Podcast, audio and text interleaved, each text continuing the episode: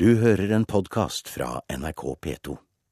Bjørn Bø, du er programleder for Politisk kvarter, og reglene i arbeidslivet er et av stikkordene dine. Ja, det er teiken til flørt mellom Fremskrittspartiet og LO. Og så blir det ny runde i Stortinget om Grunnlova og EU.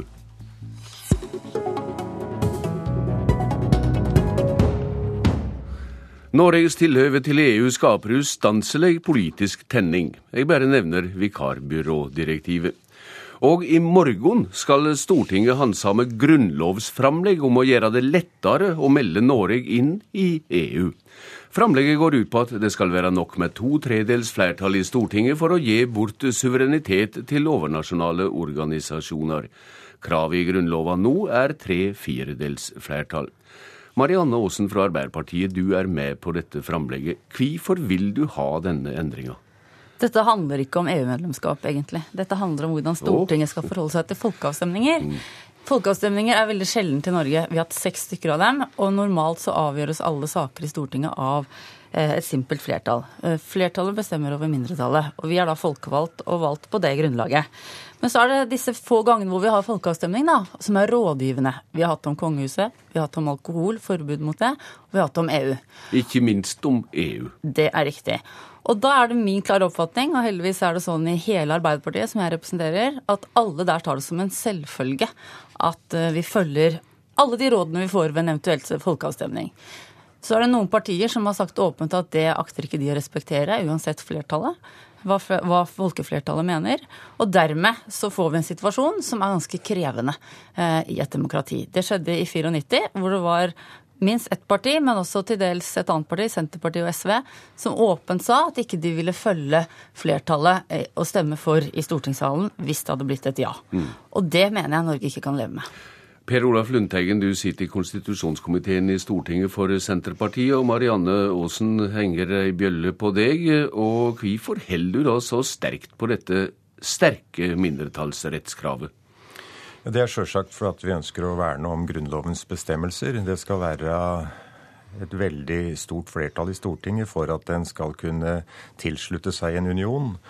Det er jo unionstilhengerne som eh, har fremma forslaget. Det er jo EU-tilhengerne. Det er jo feil det som Mariann Aasen her sier, at det ikke er EU-saken som driver saken.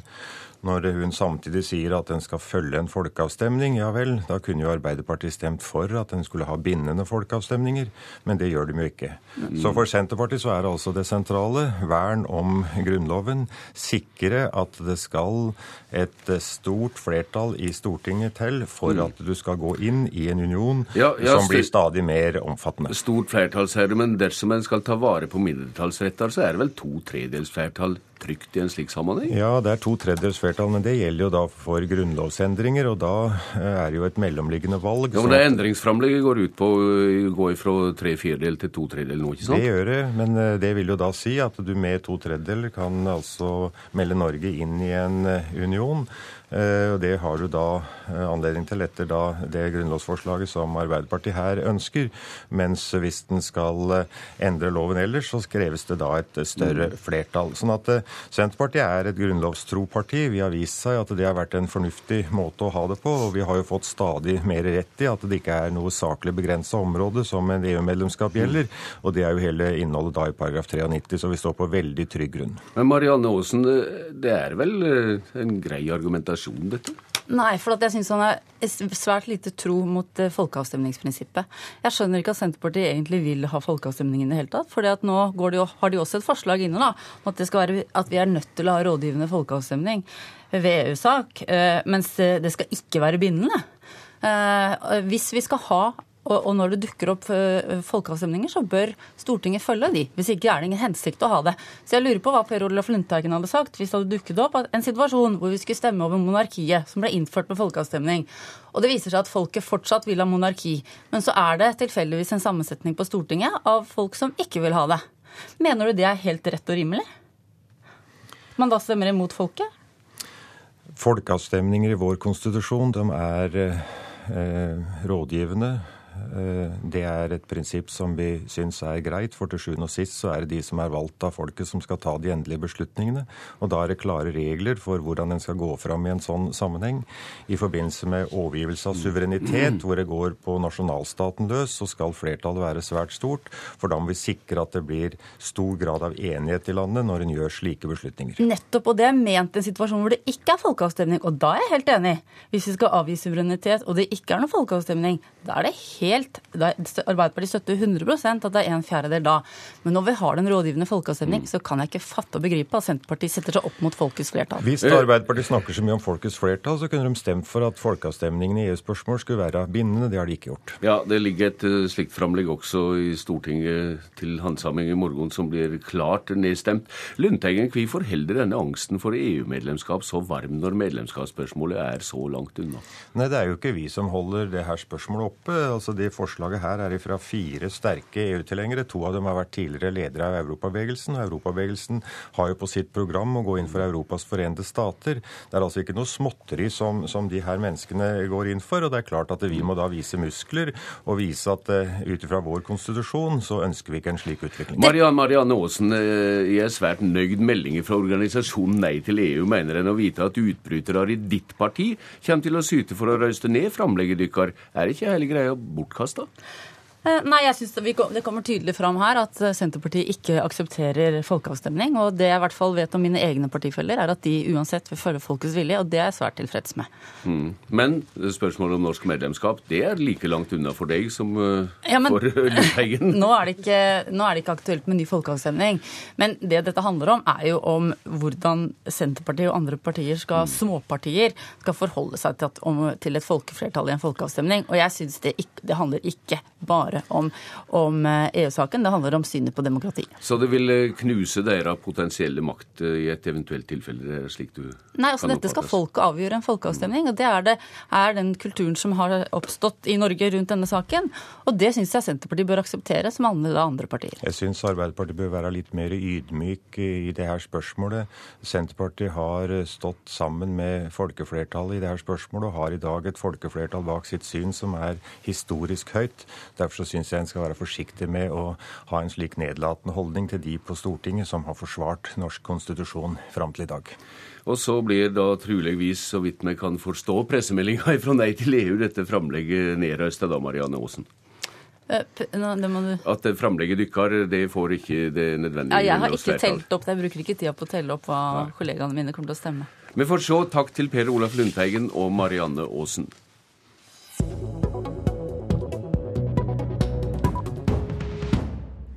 I dag er det et spesielt møte i Stortinget. Fremskrittspartiet har invitert mellom andre LO til møte om arbeidslivet. Robert Eriksson fra Fremskrittspartiet, du er leder i arbeids- og sosialkomiteen i Stortinget. Fremskrittspartiet og LO har ofte framstått som motpoler i arbeidslivspolitikken. Hva vil du med denne beinflørten? Nei, Vi har eh, i dag et stort seminar om framtidas arbeidsliv. Eh, vi mener at det er viktig å diskutere arbeidslivspolitikk. Vi mener det er viktig å møte fremtidas utfordringer. og Da må vi diskutere med LO, alle de her organisasjonene som eh, som organiserer arbeidstakerne, men også skal vi diskutere med de som organiserer arbeidsgiverne på de ulike feltene i, i arbeidslivet. Nettopp for å få innspill, synspunkter på hvordan vi løser fremtidens eh, utfordringer for å skape et trygt, men ikke minst et fleksibelt, moderne arbeidsliv for neste generasjon. Førstesekretær i LO Trine Lise Sundnes, hvor mjukt vil du svare Robert Eriksson på hans vennlige innbjuding? Nei, Først og fremst har jeg lyst til å eh, takke for initiativet. Eh, det er veldig bra at vi kan få en, eh, en runde på, på, arbeidslivet, og at, eh, og at Frp Eh, invitere partene til å komme med sine synspunkter. Fra LOs side så vil jo vi komme til å fokusere på, på arbeidstid, eh, hva vi ser som problematisk der. Ansettelsesformer, forholdet mellom faste, midlertidige og innleide. Eh, og det som går på forsvarlig bemanning innenfor spesifikke sektorer. Når det kommer til fleksibilitet, så har jo eh, arbeidstakere i Norge en lovfesta rett til fleksibel arbeidstid. Men vi får tilbakemelding fra våre medlemmer at det er vanskelig, fordi det stoppes av denne mm. ulempe til eh, ulempen for virksomheten. Og det er vanskelig å få avtaler om fleksibel arbeidstid. Det er bl.a. noe vi kommer til å ta opp med, med Frp.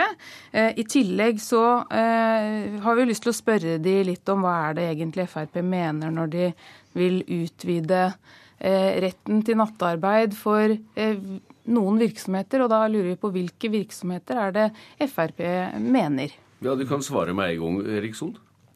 Nei, for det første, så eh, Jeg syns det er fornuftig å ta imot disse innspillene og så, diskutere det. Men jeg ser for meg framtidas eh, arbeidsliv, der eh, neste generasjon med ungdommer med nye familiesituasjoner, ikke sant, som det vi går i rekordfart fra industrialiseringssamfunnet over til, til kompetansesamfunnet, med nye jobber som det vi ser det at flere kanskje ønsker å kombinere familie og jobb på en helt annen måte.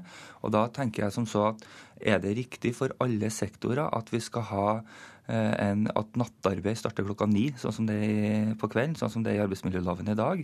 Går det an å ha en annen type fleksibilitet for, for enkeltyrker, men samtidig som at man ivaretar de tunge, tradisjonelle yrkene der man vet at det vil være uhørt å starte uh, nattarbeid på, på senere enn det som er tilfellet i dag. Den type fleksibiliteten og inngangen tror jeg det kan være fornuftig å diskutere med alle i arbeidslivet og partene i arbeidslivet. Denne søkende lina her, er det egentlig et uh Eh, liksom et teppe over det at du er ute etter LOs velgere? Nei, Jeg er ute etter alle sine velgere. Jeg er ute etter flest mulig velgere for Fremskrittspartiet til hver tid, for at Fremskrittspartiet skal bli størst mulig for å, å sette sitt stempel på norsk politikk. Eh, og Det tror jeg nok er tilfellet for alle politiske partier. Eh, men jeg tror det er viktig at vi finner de gode løsningene. Eh, og da er det, og, og, og, jeg tror det blir feil hvis vi som politikere går rundt og sier at vi har alle svar på fremtidas utfordringer. Fremtidas utfordringer tror jeg vi løser best i fellesskap. Sundnes LO-familien har stødd de rød-grønne nettopp på arbeidspolitisk eh, grunnlag. I hva grad ser du utsikter til at det kan ha like god dialog med et søkende Fremskrittsparti, som jeg hører her, eh, som er de rød-grønne framover? Nei, altså, eh, Jeg hører jo hva som blir sagt her. Det interessante er jo hva gjør de Altså endrer de sin politikk på dette området? Sist Frp satt i posisjon når Høyre var i regjering og, og, og dere var tunga på vektskåla, så endra de jo arbeidsmiljøloven på en sånn måte at det var fritt fram for midlertidige ansettelser, lengre arbeidstid, dårligere stillingsvern. Og det er jo betimelig å spørre har dere endra dere på de områdene, eller eh, vil eh, det være en type politikk som, eh, som dere kommer tilbake til hvis dere skulle være, komme i posisjon? Eriksson? Ja, altså Det vi gjorde i fortid, Vi skal ta med oss fortida, vi skal ta med oss det som et uh, historisk bakteppe. Mm. Uh, men jeg tror det at den gangen som vi så hvordan arbeidslivet var i 2004-2005, og det vi vet og, og, og, ser for oss i dag, så vil det være andre løsninger enn det vi hadde i 2005, som vil være tror jeg, er avgjørende for å skape et godt ja, arbeidsliv i framtida. Hva konkret er det du mener med det? Jo, jeg tror at vi kan se på arbeidstidsbestemmelsene. Vi må kanskje ha en oppmykning på det området, men jeg tror ikke vi skal gå så langt som vi gjorde, gjorde sist. Mm. Eh, jeg tror vi kanskje må også finne andre typer måter å organisere det på.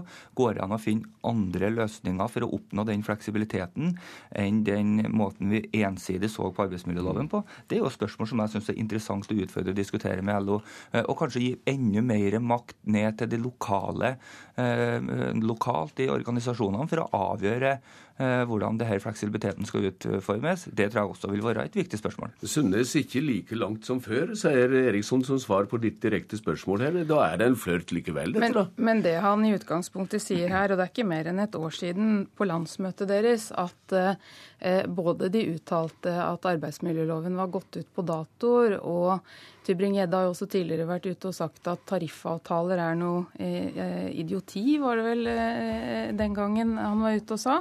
Eh, for oss så blir jo eh, retten vi har til å til at en fagforening f.eks. av en viss størrelse kan eh, inngå tariffavtale eh, på arbeidstidsordninger som er avvikende, viktig å beholde. Eh, for et år siden så fatta dere vedtak på landsmøtet om at det skal tas bort. Og det du egentlig snakker om, handler jo ikke om arbeidsmiljøloven, det handler om den avtalefriheten, den internasjonale avtalefriheten. Eh, hvordan, eh, hva man kan legge i en tariffavtale. Eh, det er jo noe helt annet enn å problematisere fleksibilitet i arbeidstidskapitlet, for det er jo ekstremt fleksibelt. Mm. Ja, Eriksson, eh, hva syns du om det? overtyren til denne flørten og dialogen med LO?